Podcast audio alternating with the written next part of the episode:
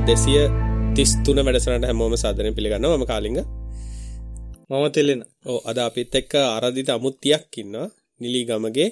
මේ අද මොකද අපිට ගිය සතියේට එපිරිසත් තියෙන තියෙන ප්‍රශ්නයක් තිබ්බනේ ඉන්ෆ්ලුවන්ස්ලා ගැන අහලා. ඒක ගැන කතා කරන්නත් එක්ක අපි ආව සම්බන්ධ කරගත්තා. ආයිබෝන් අයිබෝන් ආයිබෝන් කියන වචන කිව්වම දැන් අමාරුයිනේ. කටට පුරුදු නැහැ අර බොහොම ස්තුතියි ගා මිනිස්සු මූණ බලනවා වගේ තමයි මම කඩවලට ගිහිල්ලා මොන හරි එකට බොහොම ස්තුතියි කිව්වම ආයෙ උඩ උඩ අර අපි කෙලිම ටොපික් එකකට යමු. මේ දැන් මේ ඇත්තටම මේ ඉන්ෆ්ලුවන්සර් කෙනෙක් කියන්නේ කවුද? ඒ කියන්නේ මොකක්ද ඒකේ දැන් අර්ථකථන දැන් හැම එකටම වචන දාගෙන දාගෙන මිනිස්සුන් ඉන්ෆ්ලුවන්ස්ලා ඉන්නවා අර ඉන්නවා මේවා ඉන්නවා දැන් ඉන්ෆ්ලුවන්සර් කෙනෙක් කියන්නේ කවුද? ඉන්ෆ්ලුවන්සර් කෙනෙක් කියන්නේ මේ ප්‍රොඩක්ට් එකක් වෙන්න පුළුවන් නැත්නම් මොන හරි මැසේජ් එකක් වෙන්න පුළුවන් සෝෂල් මීඩියා through සමාජයට දෙන කෙනෙක්. ඒ කියන්නේ අපි සොසයිටි එකට මැසේජ් එකක් දෙන කෙනෙක් කියලා කියන්න පුළුවන්. ගොඩක් වෙලාවට ප්‍රොමෝෂන් සයිට් එකට තමයි ඉන්ෆ්ලුවන්සර් කෙනෙක්ව අදාළ වෙන්නේ. ඔව් එතකොට දැන් අපිත් ඉන්ෆ්ලුවන්ස්ලා අපිත් දැන් එකේ ගිහිල්ලා අර එහා කඩෙන් කාලා ඒකේ ආප් එක ෆොටෝ එකක් ගාවත් අපි ඉන්ෆ්ලුවන්ස්ලා කෙනෙක් වෙනවද? නැත්නම් වෙනමම නෑ ඒකට පේමන්ට් එකක් කරනකොට තමයි ඉන්ෆ්ලුවන්සර් කෙනෙක් වෙන්නේ. ඉතින් සමහර දේවල් තියෙනවා මේ ප්‍රොඩක්ට්ස් වලට සල්ලි ගන්න නැතුව ප්‍රොමෝට් කරන වෙලාවල්. එතකොට ඉතින් කියන්න පුළුවන් ඉන්ෆ්ලුවන්සර් කෙනෙක් කියලා. ඒකට අර වෙනම ලේබල් කරන්න බෑ ඉන්ෆ්ලුවන්සර් කෙනෙක් කියලා. ඔව් ඒ කියන්නේ මෙහෙමයි. ඉතින් මේ හරියට කතා කරොත් එහෙම අන් අය කියන්නේ අනුන්ගේ බඩු ප්‍රචාරය සඳහා තමන් විසින් වැඩි ෆලෝවර්ල ප්‍රමාණයක් තියාගෙන මුදල් ලබාගෙන ඒක හොඳයි කියලා කියන කට්ටියක් එහෙමද දැන් මොකද රිවිව් වල දැන් තිල්ල රිවිව් වලත් ඉන්නවනේ නේද? කියන්නේ ප්‍රොඩක්ට් රිවිව් කරන අයත් ඉන්නවනේ. ඒගොල්ලොත් ඉන්ෆ්ලුවෙන්සර්ලා එතකොට රිවිවර්ස්ලාද? එහෙමත් ප්‍රශ්නයක් තියෙනවනේ. ඔව් දැන් මෙහෙම මෙහෙම කට්ටිය ඉන්නවනේ කාලින්ගේ. ඒ කියන්නේ සමහර අය ඉන්නවා ඕන ප්‍රොඩක්ට් එකක්, එවන ඕන ප්‍රොඩක්ට් එකක් රිවිව් කරන කට්ටිය. සමහර කට්ටිය ඉන්නවා තමන්ගේ ෆීල්ඩ් එකට අදාළව විතරක් ක්‍රියා කරන කට්ටිය. සමහර කට්ටිය ඉන්නවා මේ ඇත්තටම තමන් පාවිච්චි කරන දේවල් රිවිව් කරන කට්ටිය. ඔය Amazon එකේ එහෙම මේ දැන් පහුගිය දැන් මාස කිහිපයකට කලින් ලොකු කතාවක් ගැන කට්ටිය බොරුවට ගැන ඇත්තරම මේ බඩුව අරගෙනත් නෑ සමහර වෙලාවට ඒක රිවිව්ස් මේ ලියනවා කියලා ඒක සාමාන්‍යයෙන් ඒ කියන්නේ ඒක බැලුවහම ඇත්තරම ඒක අර වෙරිෆයිඩ් බය කෙන නෙමෙයි. නිකන් රිවිව් එක ලියනවට ලියලා එතකොට අර ඇමසන් ඇල්ගොරිදම් වලින් ඒ ප්‍රඩක්ස් ටික උඩට එන්න. හරි නැත්තම් සර්ච් සර්ච් එන්ජින් වල ඉස්සරහට ගන්න හරි වගේ එක ට්‍රික්ස් දාන කට්ටිය. ඒගොල්ලොත් එතකොට ඉන්ෆ්ලුවන්ස්ලාද හරි ග්‍රේ ඒරියා එකක් නේද? ඒ කියන්නේ දැන් අපි සාමාන්‍යයෙන් ඉන්ෆ්ලුවන්ස්ලා කෙනෙක්ද කියලා මට පර්සනලි පේන්නේ Instagram එකේ හරි Twitter එකේ හරි ගොඩක් වෙලා Instagram තමයි Instagram එකේ හරි Twitter එකේ හරි Facebook එකේ හරි ගොඩාක් ෆලෝවර් එහෙම නැත්නම් YouTube එකේ ගොඩාක් ෆලෝවර්ස්ලා හදාගෙන ප්‍රොඩක්ට් අරගෙන දකින දකින හැම ප්‍රොඩක්ට් එකම හොඳයි කියන අය. එහෙමද?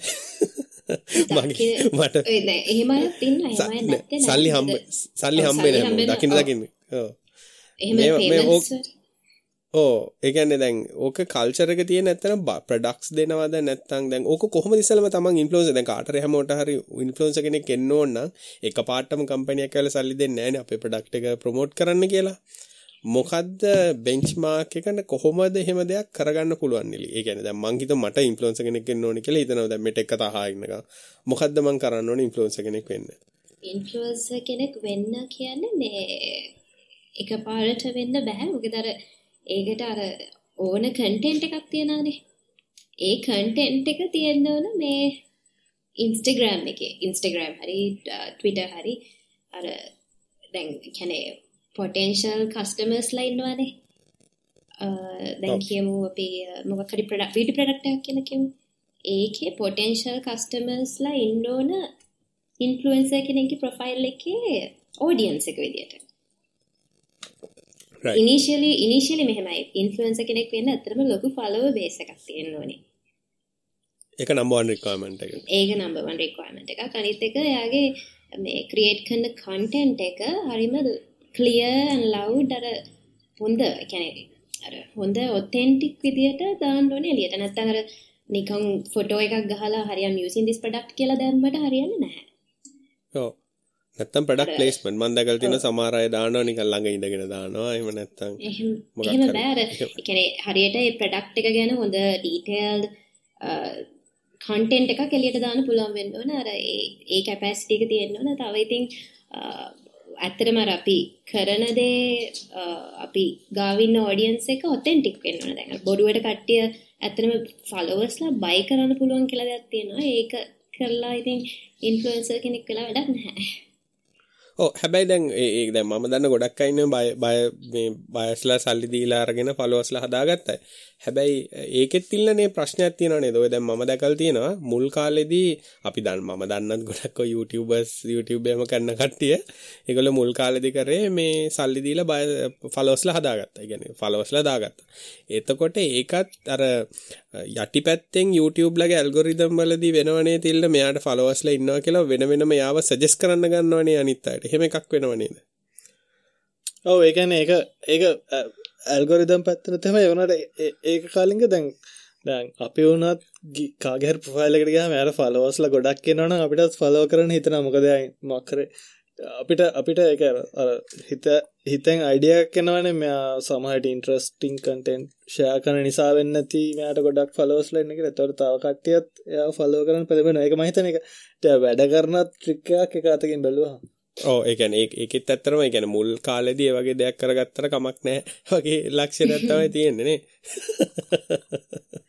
හැබැයි අනික තවත් ප්‍රශ්නයක් තියෙනවා. දැන් ඕක අපි හිතමු අපි කොහොමද දන්නේ දැන් මම හිතමු මම නිලිව ගිහලා කියනවා මේ මගේ මේ ප්‍රොඩක්ට් එක මම ගිහලා ප්‍රොෆයිල් එක බැලුවා මම දකිනවා මිලියන 10ක් විතර ෆලෝවර්ස්ලා ඉන්නවා මං ගිහින් කියනවා මගේ මේ ප්‍රොඩක්ට් එක ප්‍රොමෝට් කරගන්න ඕනේ මෙහෙමයි කියලා. ඕක මෙෂරබල්ද? මෙෂරබල්ද කියලා අදහස් කරන්නේ කියන්නේ මෙයා මේක ගැන කතා කරපු හින්දා හරි නැත්නම් මේක පෙන්නපු හින්දා හරි මේකෙන් අර ඒ කියන්නේ මොකක් හරි බඩුවක් ප්‍රොමෝට් කරන අල්ටිමේට් ගෝල් එක තියෙන්නේ ඒක විකුණ ගන්නනේ විකිනෙන එක වෙනස් වුණාද කියන එක කො මෙෂරබල්ද ඉන්ෆ්ලුවන්ස් දැන් අපි දන්නවා Facebook මාකටිං හරි නැත්නම් Google වල ඩිජිටල් මේ ඇඩ්ස් හරි රන් කරොත් අපිට මේ ට්‍රැක් කරන්න පුළුවන් මේ කන්වර්ෂන් වුණාද? කී දෙනෙක් ක්ලික් කරාද? මොකද Instagram වල එහෙම තියෙන ප්‍රශ්නයක් තමයි ලින්ක්ස් දාන්න බෑ. ලින්ක්ස් එහෙම දාන්න බෑ. පුළුවන්. ලින්ක්ස් දාන්න පුළුවන්. ඒ කියන්නේ අර ක්‍රියේටර් accounts කියලා වෙනම accounts ආදියක් තියෙනවා. කලින්ග ක්‍රියේටර් account එකක් කියන්නේ ඔය ප්‍රොමෝෂන්ස් වලටම තියෙන accounts. දැන් මටත් තියෙන ක්‍රියේට් account එකක්. create- මම දැකලා නැහැ එහෙම ලින්ක් එකක් දාන්න තැනක් ඒ එහෙම එකක්. දාන්න පුළුවන් වෙන්නේ 10000 plus followers ලාවන් පස්සේ. ආ ඒක තමයි. ඒ අපිට නෑ නෙච්චර එහෙම එහෙම නැත්තම් කාලින්ග ගොඩක් කට්ටිය කරන්නේ අර බයෝ එක තමයි ලින්ක් එක දාන්න. ඕ නෑ මාත් ඒක දැකලා තියෙනවා. හැක්කයක් විදිහට හරි. එතකොට ඒ ඒකත් එකක්. එතකොට මට තියෙන තව ප්‍රශ්නයක් තමයි දැන් ඔය ඕක දැන් මේක මේ ල- ආ, එක දිගට බැලුවා මම දැකලා තියෙන දේ තමයි මම මේ දැකපු එක තමයි ඉන්ෆ්ලුවන්ස්ලා හෝ ගොඩාක් ෆලෝ කරන අය ඇත්තටම වයස අවුරුදු 20 හෝ ඊට අඩු. ආ, ඒක හරි වැරදි වෙන්න පුළුවන්. නමුත් මට දැකපු විදියට වැරදි නම් ඔය දෙන්නට පුළුවන් මම මේවා කරන්න මම දකින්නේ ඒ අඩු අය. එතකොට ප්‍රඩක්් විකුණනකොටත් ඒවා ගැනත් හිතලද නැත්තං අපිට දැන් ඉන්ස්ට්‍රග්‍රෑ දැන් ෆෙස්බුක් එකේ හරි ඉන්ස්ට්‍රග්‍රෑම් එක හරි YouTube එක හරි තියෙනවද? අප මේ ජෙන් මේ කට්ටිය ජෙන්ඩ එක කට්ටිය තමයි ඉන්න. මෙහෙම නැත්තං මේ වයස් කට්ටිය තමයි වාව ෆලෝ කරන්න වැඩිපුර. ඒ වගේ ඉන්ෆෝර්මේෂන් හම්බුවෙනවාද ඔව් අපිට බලාගන්න පුළුවන් ඉන්සයිට්ස් දැන් මගේ ප්‍රොෆයිල් එකට ගියාම ඉන්සයිට්ස් බලාගන්න පුළුවන් මොන ඒජ් රේන්ජ් එකේ අයද මොන ජෙන්ඩර් එකද එතකොට මොන ලොකේෂන් එකේ අයද වැඩිපුරම මම ෆලෝ කරන්නේ කියලා. බලාගන්න පුළුවන් එතකොට ඒක එතකොට ඒකෙන් එතකොට මං කිව්ව ඩේට හරිද? ඔය කිව්ව උත්තරේට. ඒ කියන්නේ මං කියවනේ සාමාන්‍යයෙන් ඔය මං දැකලා තියෙන විදිහට ෆලෝ කරන අවුරුදු 20 ඔය 22 කිව් එක කට. ඔව්. ගොඩක් වෙලාවට හරි මොකද අර අර යං ක්‍රවුඩ් එක තමයි මේ ඉන්ස්ටාග්‍රෑම් යූසර්ස්ලා ඉන්නේ එතකොට ඒකෙන් බිස්නස් එකකට එතකොට මොකද අපි දන්න බයිම් පව එකක් සාමාන්‍යයෙන් තියෙන්නේ අවුරුදු 25 ඒ කියන්නේ 22 23 25 වැඩි වෙනකොට කියලා. එතකොට ඒක 20 වලින් උඩට යනවා කියලා කියන්නේ මම. ඒ කියන්නේ මේ වදන් කිව්ව 20 වලට පල්ලෙහෙන් කියලානේ. නෑ ඇත්තට එහෙම නෑ. මේකේ මම දැකලා තියෙනවා මෙතන ඉන්ෆ්ලුවෙන්සර්ස්ලා ඉන්නවා වයස මම දන්න ඉන්ෆ්ලුවෙන්සර්ස්ලා ඉන්නවා වයස 28 29 30 විතර. සමහර එක මම දන්න තව කට්ටිය ඉන්නවා. සමහර අයට මේ මේ සමහර නෑ මං කතා. කරන්නේ. ඔව් නෑ එතකොට එයාලගේ වයසෙන් නෙමෙයි. එයාගේ ඔඩියන්ස් එක වෙනස් ඔව් වෙනවා. එතකොට එයාගේ ඔඩියන්ස් එක එයාගේ වයසට කියන්නේ නේ ආ එහෙමද ඔව් ආ, ඒකත් මාරයි. මෙතන ඔයාලට කියන්න බෑ අවුරුදු 20ට වඩා අඩු අය තමයි වැඩිපුර එහෙම නෑ මං කියනවා ඒක ඒජ් රේන්ජ් එක 35 බිලෝ වගේ ඔව් එතකොට සක්සෙස් රේට් එක කොහොමද? ඒ කියන්නේ සක්සෙස් රේට් එක කියන්නේ දැන් මම දැකලා තියෙනවා දැන් අපි මේක ඇත්ත කතා කතා කරොත් එimhe ගෑන් ළමයි ගොඩක් ෆොටෝ දාන්න ඒවා කරන්නේ ඇඟ පෙන්නලා හරි මොකක් හරි කරලා තමයි ගන්නෙ. හැබැයි මම හොඳට දැකලා තියෙනවා ඒකෙත් වෙනසක් තියෙනවා. සමහරවිට එහෙම නොපෙන්නන අයගේ ෆලෝවර්ස්ලා මේ වැඩි. ඒ කියන්නේ සමහරලාට මේ කියන්නේ එන ඩීසන්ට් විදියට මේ ෆොටෝ දාන ඒ වගේ කරන අයගෙත් ෆලෝවර්ස්ලා වැඩි වෙලා තියෙනවා සමහරලාට අර වගේ අයට වඩා. ඒකත් එක්තරා හේතුවක්. මොකද මම දැකලා තියෙන සමහරලාට හස්බන්ඩ්ලා වයිෆ්ලව දාගෙන Instagram account run කරනවා. ඒ වගේ ඒ වගේ දේවල් කරනවා. ඉතින් ඒ කියන්නේ ඒක බිස්නස් එකක් නේ. ඒ කියන්නේ ඇත්තටම මේ අපි හරියට කතා කරොත් එහෙම මේ ඉන්ෆ්ලුවෙන්සර් කෙනෙක් කියන්නේ බිස්නස් එකක්. YouTuber කෙනෙක් කියන්නේ බිස්නස් එකක්. එතකොට ඒකෙන් අල්ටිමේට්ලි කරන්නේ මම මෙහෙම දෙයක් හිතමු. අපි මුලා කරනවද අපේ ෆලෝ කරන අය? ඉන්ෆ්ලුවෙන්සර් කෙනෙක් විදියට බහුතරය. payments කරලා කරන ඉන්ෆලුවන්සර්ස් like يعني payments අරගෙන කරන ප්‍රොමෝෂන්ස් වලට ගොඩක් අය සමහර වෙලාවට එයාලගේ ඒ කියන්නේ ඒ ප්‍රොඩක්ට් එකට අකමැති වෙන්න පුළුවන් හැබැයි එයාලා කියන්නේ වෙන දෙයක් සමහර වෙලාවට එහෙම වෙලාවට තියෙන ගොඩක් එතකොට ඉතින් අර එයාලගේ එයාගේ ඔඩියන්ස් එකට එයා බොරුවක් තමයි කියන්නේ. කියන්න මේ ඔව් මම මේ ප්‍රොඩක්ට් ප්‍රොඩක්ට් එකට කැමති ඔයාලා යූස් කරන්න කියලා එළියට දැම්මට එයා උනට ඇත්තටම එයා ඒක යූස් කරන්න නැති වෙන ප්‍රොඩක්ට් එකක් වෙන්න පුළුවන්. ඔව් ඉතින් ඒක ඉන්ෆ්ලුවන්ස්ලට විතරක් නෙමෙයි නළු නිලියන්ට අත දාලායිනේ. ඔව් ඉතින් ගොඩක් ලංකාවේ ඉන්ෆ්ලුවන්ස්ලර්ස්ලට වඩා ඉන්ෆ්ලුවන්සර්ස්ලට වඩා ලංකාවේ ලොකු ලොකු බ්‍රෑන්ඩ්ස් ඒ කියන්නේ මොන හරි ලොකු බ්‍රෑන්ඩ්ස් ඒ කියන්නේ ඇත්තටම දැන් දැනට ලංකාවේ තියෙන අපි කියමු වැස්ලින් වැස්ලින් වගේ බ්‍රෑන්ඩ් එකක් ඒ ප්‍රොඩක්ට් එක ඒ ප්‍රොඩක්ට් එක ගොඩක් වෙලාවට ඉන්ෆ්ලුවන්සර්ස්ලට යන්නේ ඔකම ඇක්ටර්ස්ලට ඇක්ට්‍රසස්ලට ගිහිල්ලා එයාලගේ අලුතෙන් එන මොකක් හරි ක්‍රීම් එකක් යාලා ලොන්ච් කරොත් ඒක යන්නේ ඉස්සෙල්ලම ඇක්ට්‍රස්ලට ඇක්ටර්ස්ලට යාලට ගිහිල්ලා තමයි ඊට පස්සේ තමයි ඉන්ෆ්ලුවෙන්සර්ස්ලට. ඒතර මොකද යාලගේ ෆලෝ බේස් එක වැඩිනේ ලංකාවේ. හ්ම්. ඒ ඒක ඉතින් ඇඩ්වර්ටයිසිං වල තියෙන කොමන් දෙයක් බැලුවාම නේද කාලින් කියන්නේ දැන්. ඔව්. මේ උදාහරණයක් විදිහට නෙස්ට මෝල්ට් ඇඩ්ඩයක් හරි එක ගත්තොත් එහෙම ඒ ඇඩ් එක ඇක්් කන්න එක්කෙන කියන්නේ මම මේක හැමදම් බන කියලා පැත්තත් බාන්නද ඒ ඔය බැලොද කොකා කොල ඉන්නටම දිය වැඩියාව වෙන්නන මේ වෙනකොට නෑ කාලිග කියපු ට්‍රැකින් එකට මේ යස් දැන් කූපන් කෝඩ්ඩක් වගේ යස් කරොත් එක මිශ කරන්න පුළුවන්නේ නෑ. ඒක මට මට දැන මට ඇතන දැනගන්න ඕනේ ලංකාවේ මොකද මම මීඩිය ගැන ගොඩක් ඔය දැන් ට්‍රෙඩිෂනල් මීඩිය කම්ප දැන් සාමාන්‍යයෙන් ඔයගේ එකක් එන්නේ එක පාටේ කම්පැනියෙන් කතා කරන්නේ නැහැ ඉන්ෆ්ලුවන්ස්ලට මේක මාකට් කරමු කියලා. අර අපේ ඉන්න ට්‍රෙඩිෂනල් මීඩියා කම්පැනි එතකොට එයා කවුරු හරි ඒගොල්ලන් දකින වැඩි හරි ඒගොල්ලෝ අඳුරන කවුරු හරි වැඩියෙන් ඉන්න කෙනෙක්ට තමයි ඔක දෙන්නේ රයිට් එතකොට දෙනකොට මේ මම දැකලා නැහැ මොකද මම උනත් දැන් මොකද අපි ගොඩක් ඔය ඩිජිටල් මාකටිං කම්පැනිත් එක්ක කතා කරලා සහ ඒවත් එක මේ වෙලා තියෙන හින්දා ඒගොල්ලන්ට ඇත්තටම මේ මෙෂරබල් කියන එකක් ඒගොල්ලෝ ගොඩක් වෙලාට හොයන්නේ නැහැ දැන් e-, e-commerce පැත්තෙන් අපි ගත්තොත් ඉන්න අපි කන්වර්ෂන්ස් නේ බලන්නේ. කියන්නේ අපි විකුණු පියදම් කරන රුපියලකට කොච්චර කන්වර්ස් නමුත් අර බ්‍රෑන්ඩ් එක ලොකු වෙනකොට ඒගොල්ලන්ට ඕල්රෙඩි given marketing budget එකක් තියෙනවා. ඒගොල්ලන්ට ඒක මෙෂ කරන්න ඕනෙද කියන එක ලොකු වැඩක්. හැබැයි මම මොකද ගොඩාක් ඔය මේ මාකටිං කරන අය දාන පෝස්ට් වලින් කියන අපි ලයික් 300ක් ගත්තා මේකට. මේක ෂෙයාර්ස් 1000ක් ගත්තා. මෙච්චරක් රීච් වුණා කියලා රීච් එකක් ගැන කතා කරනවා මිසක්. නමුත් ඒක ඇත්තටම අර ඉම්පැක්ට් ඉම්පැක්ට් ඔව්. ඒ කියන්නේ ඒක පොසිටිව් එකක්ද නැද්ද කියන එක කවුරුත් කතා කරන්නේ නැහැ. මම හිතන්නේ ඒක කතා නොකරන්නත් හේතුව තමයි ඒගොල්ලෝ කැමති නැහැ. දැන් අර පත්තරේ ඇඩ් එකක් දැම්මගෙන තියෙන අපි දන්නේ නැහැ පත්තරේ ඇඩ් එකක් දැම්මම ඇත්තටම දැන් අපි ෆෝන් නම්බරයක් දාලා පෞද්ගලික ඇඩ් එකක් දැම්මොත් අපි දන්නවා අපිට කෝල් 100ක් ආවා කෝල් 50ක් ආවා කියලා.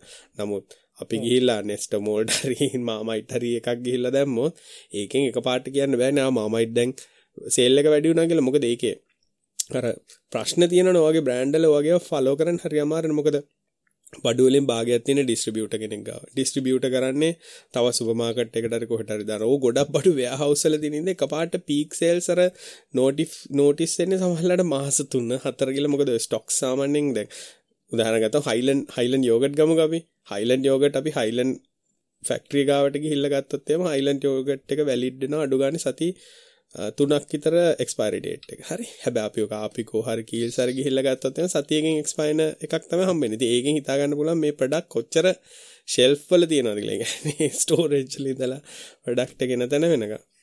ඉතින් ඒ වගේ ගත්තාම මං හිතන්නේ අර මන්ද ටොපොද්ද මයින්න වෑන ඔන්ලයින් නොවෙන බඩුවක් විකුණනවා නං එක අමාරු ට්‍රක් කරන්න. එකන කියන්න ඕ ඒකන මාත් කියන්න දන ගැන මුද ඒවනට මට ඒක වැරදි කියන්න බෑ. මෙචර අවුදු ගානක් තිස්සේ අර ටොපොද්ද මයින වෑනස් කියන එක මාර බට්නන් දැන් එක සන්ලයිට් කියන වචනේ.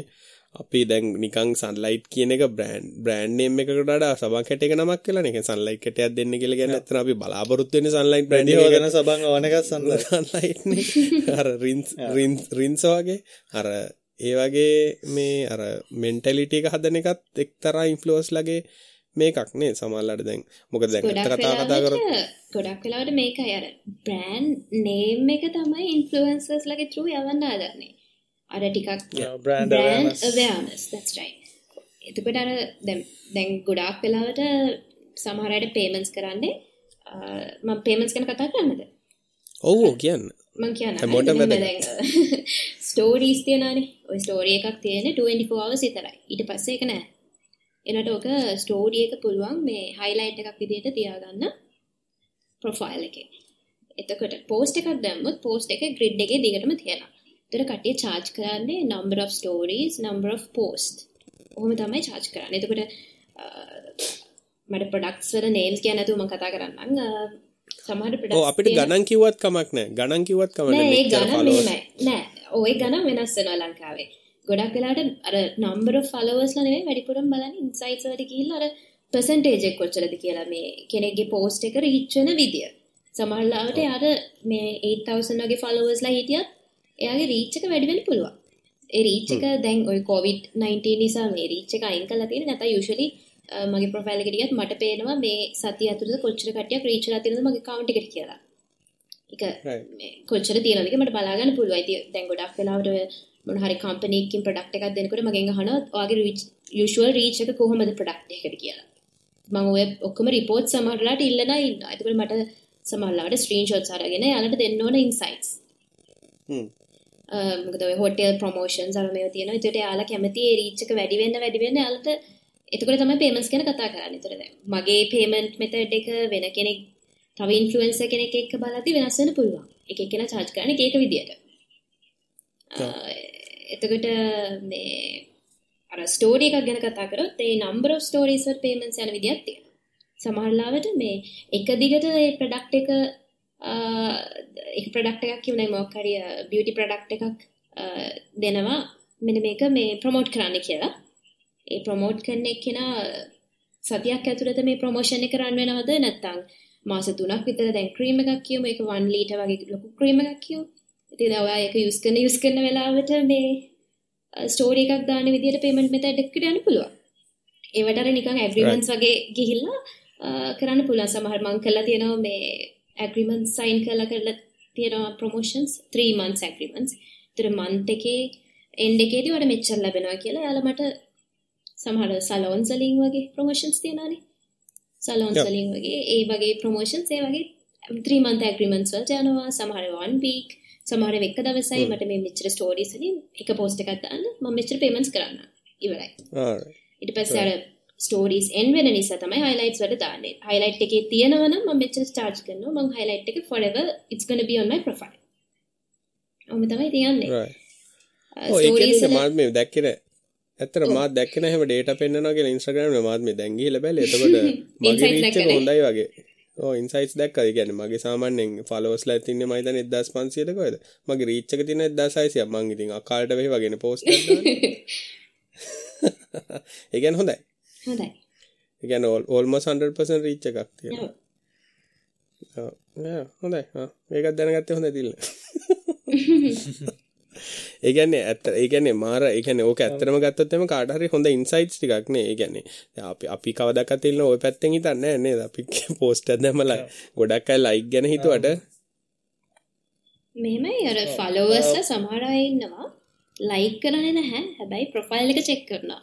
එහෙමයි ඉන්නවා. ඒ ස්ටොකර්ස් නනේ ඔව් ස්ටොකර්ස්ලා එහෙම කියන්න පුළුවන්.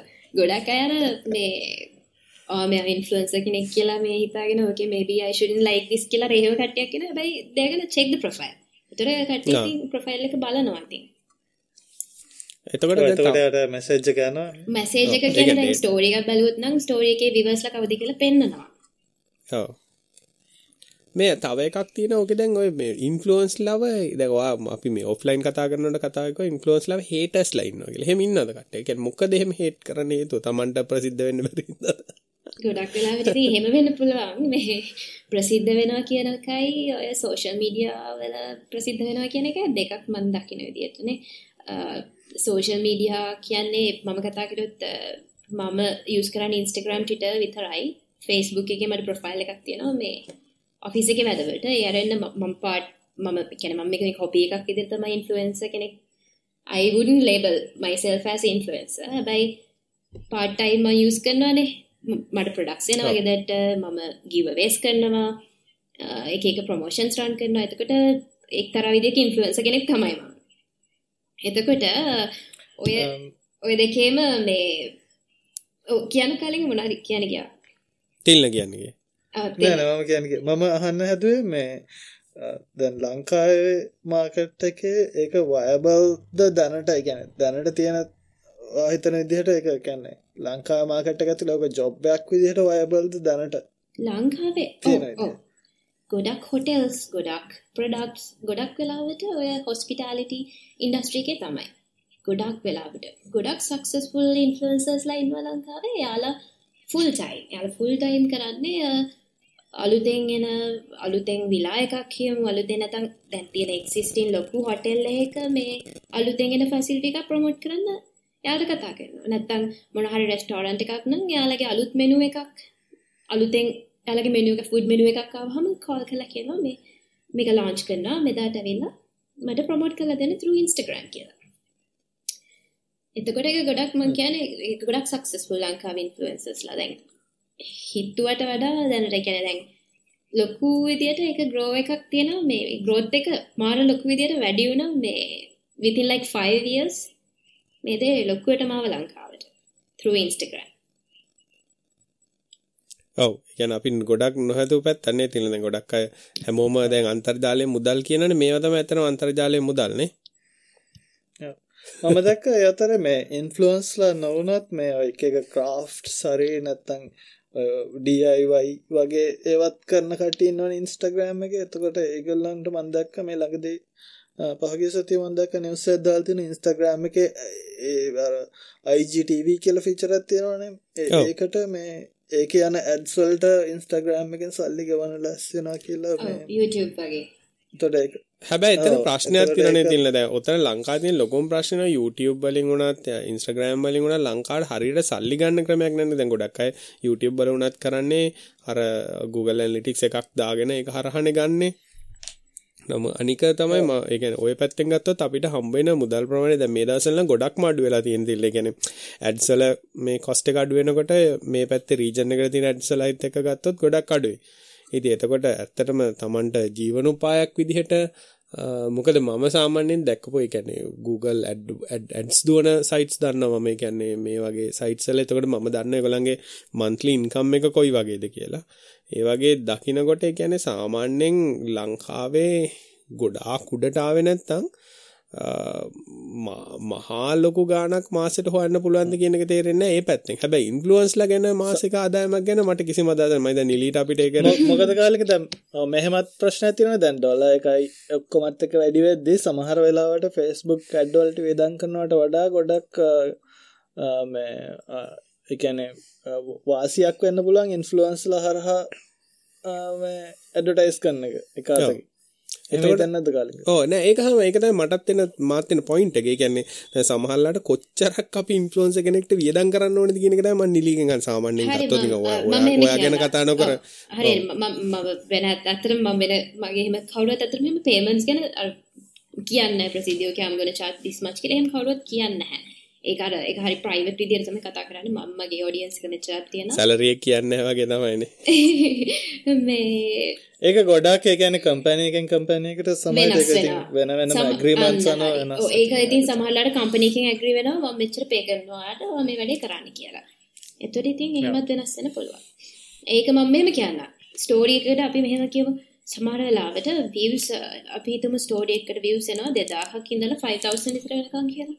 එතකොට ස්ටෝරි එකක් තියෙන 24 hours විතරයිනේ. ඒත් ඒ වෙලාවෙදිත් ස්ටෝරි එකකට per 2000 රුපීස් විතර චාර්ජ් කරන අය ඉන්නවා. එතකොට හිතන්න ප්‍රොඩක්ට්ස් 10ක් ආව කියලා මාසෙකට. එතකොට පුළුවන් කැල්කියුලේට් කරන්න කොච්චර එනවද කියලා ස්ටෝරීස් වලින් විතර ඔව් ඒ කියන්නේ 2000 rupees story එකකට આવොත් එහෙම මාසෙට stories 10ක් දැම්මොත් 20000 rupees නිකන් ඉඳලා. ඔව් එක ස්ටෝරි එකක් නෙවෙයි. ඉතින් ප්‍රොඩක්ට් එක ඇත්තටම මේ යූස් කළම පෙන්නනවා. ඉන්ෆ්ලුවෙන්සර් කෙනෙක් වුණාම ඉතින් මේ ප්‍රොඩක්ට් එක ඔන්න අද මම රිවිව් කරා ෆේස් පැක් එකක්. ඒතර මට ඉතින් ඕක කොහොමද මික්ස් කරන්නේ ඊට පස්සේ කොහොමද ගාන්නේ ඔක්කොම පෙන්නන්න ඕනේ ඉතින්. මම දැකලා නෑ එහෙම ඒවා දානවා. අද දාලා ඇති. මම මේකට බිසි වුණා ස්ටඩීස් එක මේ දවස් ටිකේ දැන් තමයි අප ටිකක් පටන් ගත්තේ.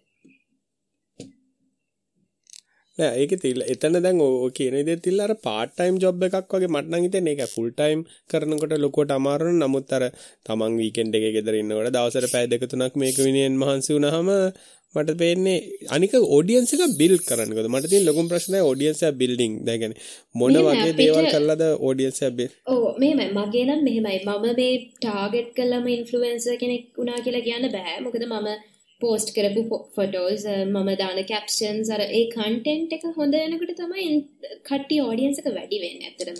ඒ ෆොටෝ එකට කැමති අය මම පෝස්ට් කරන විදිහ වෙන්න පුළුවන් මම දාන කැප්ෂන් එක වෙන්න පුළුවන්. Uh, අනිකේ ඔය එක එක ට්‍රික්ස් තියෙනවා ෆලෝවර්ස් වැඩි කරගන්න. හැෂ්ටැග්ස් වලින් පුළුවන් ෆලෝවර්ස් වැඩි කරගන්න. Uh, ඇත්තටම ඇත්තම දේ තමයි හොඳ හොඳ කන්ටෙන්ට් එකක් වෙන්න ඕන පෝස්ට් කරන එක. නිකන් ඔය සෙල්ෆීස් වගේ මේ පොඩි පොඩි දේවල් දාලා හරියන්නේ නැහැ. දාන පෝස්ට් එක මොන හරි දෙයක් තියෙන්න ඕනේ. ඉතින් එතකොට තමයි ෆලෝවර්ස්ලා ගාන වැඩි වෙන්නේ. අනිත් එක මේ අපිට මේ ෆලෝවර්ස්ලා අර කැමති විදියට මේ මේ කස්ටමයිස් කරන්න බෑ. මේ දැන් කලින් ඔයා කිව්වා වගේ වගේ account එක create profile එකක්නේ. ඔය account එක create profile එකක් නේද කලින්? ටෙක් කතා මොකද ටෙක් එක. කතා කරන මම ඊයේ නෑ නෑ ටෙක් කතා කරන්නේ මම අතන කතා කරන්නේ මම පර්සනල් එක ටික් ටෙක් කතා මම හිතන ක්‍රියේට් account එකක් තමයි ඔව් ක්‍රියේටර් එකක් නේ. එතකොට ක්‍රියේටර් ප්‍රොෆයිල් එකක් නේ. එතකොට ඒ- ඒකේ ඔඩියන්ස් එක අපිට කස්ටමයිස් කරන්න බෑ. කස්ටමයිස් කරන්න බෑ ආ. ඔඩියන්ස් එකක්. අපිට ඕනනම් ඕන. ෆලෝවර් කෙනෙක් රිමූව් කරන්න පුළුවන්. තව Right. කියලා ඔප්ෂන් එකක් තියෙනවා. එයාට රෙස්ට්‍රික්ට් කරායින් පස්සේ ඒ ෆලෝවර්ට අපිව පේනවා හැබැයි අපේ මොනවත් දෙයක කමෙන්ට් කරන්න බෑ. එයාට. ඒක ඔය. වගේ ඒ කියන්නේ සෝ කොහොමත් අර ගෑනු ළමෙක් මේ ඒ- ආවහම හැබැයි ඒක දෙපැත්තම දිනනේ ගෑනු ළමෙක් වුණොත් ඉතින් නෑ, එහෙම audience නෑ, එක build ඇත්තටම ඔය කරගන්න. කට්ටිය කියනවානේ මේ ඇඟ පෙන්නලා ෆොටෝස් දැම්මම තමයි ෆලෝවර්ස්ලා එන්නේ.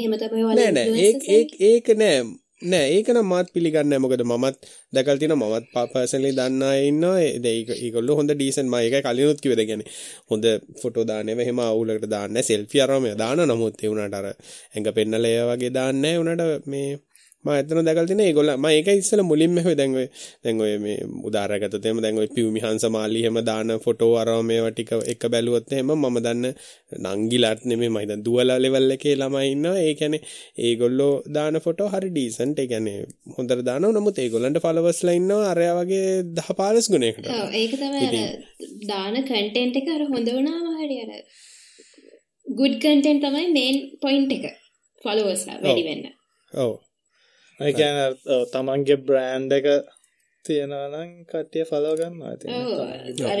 ඒ වගේම තමයි අර පෝස්ට් කරනවා කියන එක දැන් පොඩ්ඩක් අර Instagram එකෙන් මාසයක් විතර මේ යූස් කරන්න නැතුව හිටියහම මේ ගොඩක් අය unfollow කරනවා.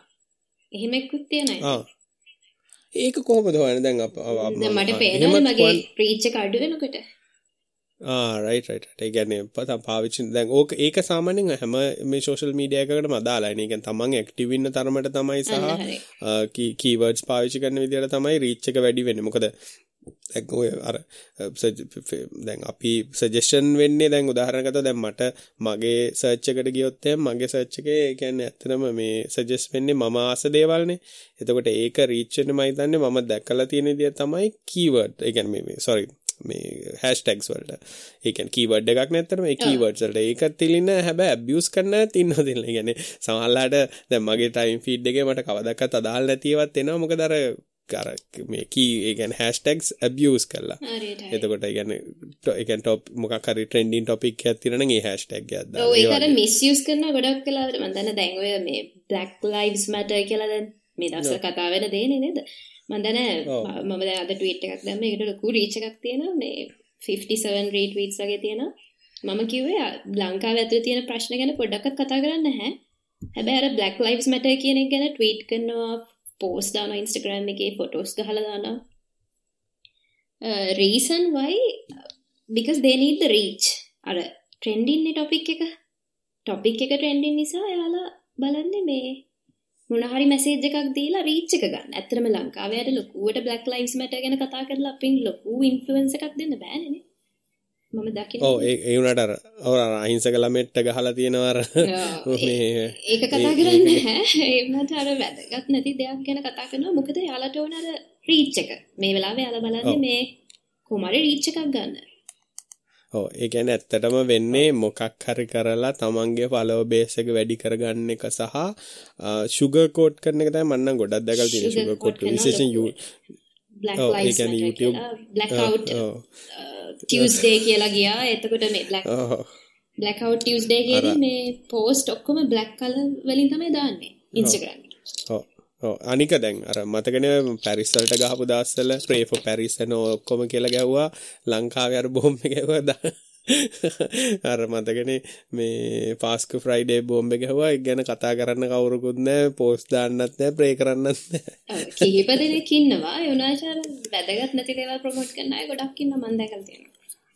නෝ අනිත් එක ඒක මෙහෙම මට තව ක්වස්්න් එකක් තියෙනවා. මේ ඉන්ෆලුවන්ස්ල පැත්තෙන් එකන ලංකාව ප්ලට්ෆෝර්ම් එකක් තියෙනවද? මේ කැන් තමන්ගේ බ්‍රෑන්් එකට හරි ඒකැන්තම් මක්කර බිස්නසස් වලට හොයාගන්න ලේසි විදිහක්